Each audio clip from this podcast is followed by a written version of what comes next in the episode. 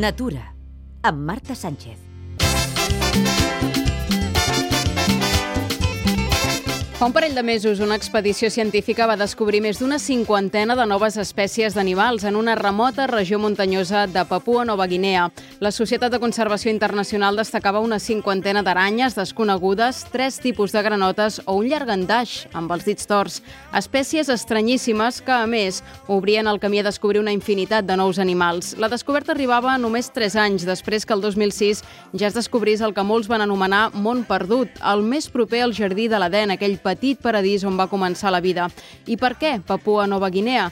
Li hem preguntat a Josep Sargatal, un dels naturalistes més importants del nostre país. Que sigui un lloc amb molta riquesa, molta biodiversitat, però a més a més que hi ha pocs depredadors. Crec que és, és, és un lloc on on hi ha hagut una evolució, evidentment diferent que en d'altres llocs, que ha donat uns fruits com aquests cangurs arborícoles, com ocells del paradís, com els megàpodes, que, que, que són absolutament diferents que altres parts del món. I també a Papua Nova Guinea és dels llocs, potser del món, que estan menys explorats, per això cada expedició que fan troben espècies noves. En aquest cas han estat aranyes, tres tipus de granotes i un llargandaix, animals que els investigadors creien que ja estaven extingits o que simplement no existien. Hi ha petit llagardaix, una sargantana amb els dits torts, que és una evolució, diguem-ne, per poder, diguem-ne, anar millor entre les mates, i una aranya molt divertida, que es veu que salta aconseguint fer pressió sanguínia a les seves potes, diguem-ne.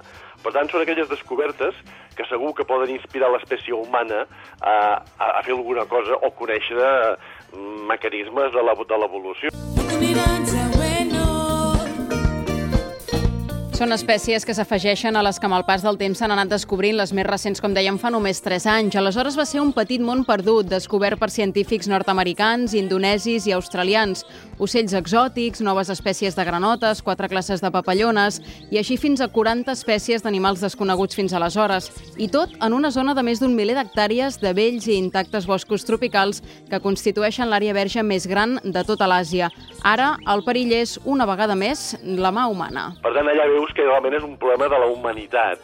Aquesta, aquesta segona fase que tenen el, en aquests moments els de Java, que és que, que explotant la natura, explotant-la, no aprofitant-la, explotant-la, tallant-la, eh, pensen que podran accedir a, a un benestar com el que tenim, diguem els que estem a la tercera fase, que, que seríem els europeus, per exemple, que, que ja eh, eh, hem anat dominant la natura, el que passa que en el nostre cas ho hem fet d'una manera més dolça durant més segles. En allà ho fan ara, com que tenen més mitjans, més màquines, ho fan de manera més barruera i més ràpida. Per sort, Papua Nova Guinea no és l'únic reducte on encara queden zones per explotar. Hi ha àmplies zones en altres països, com ara el Brasil, Perú, Colòmbia i també el centre de l'Àfrica.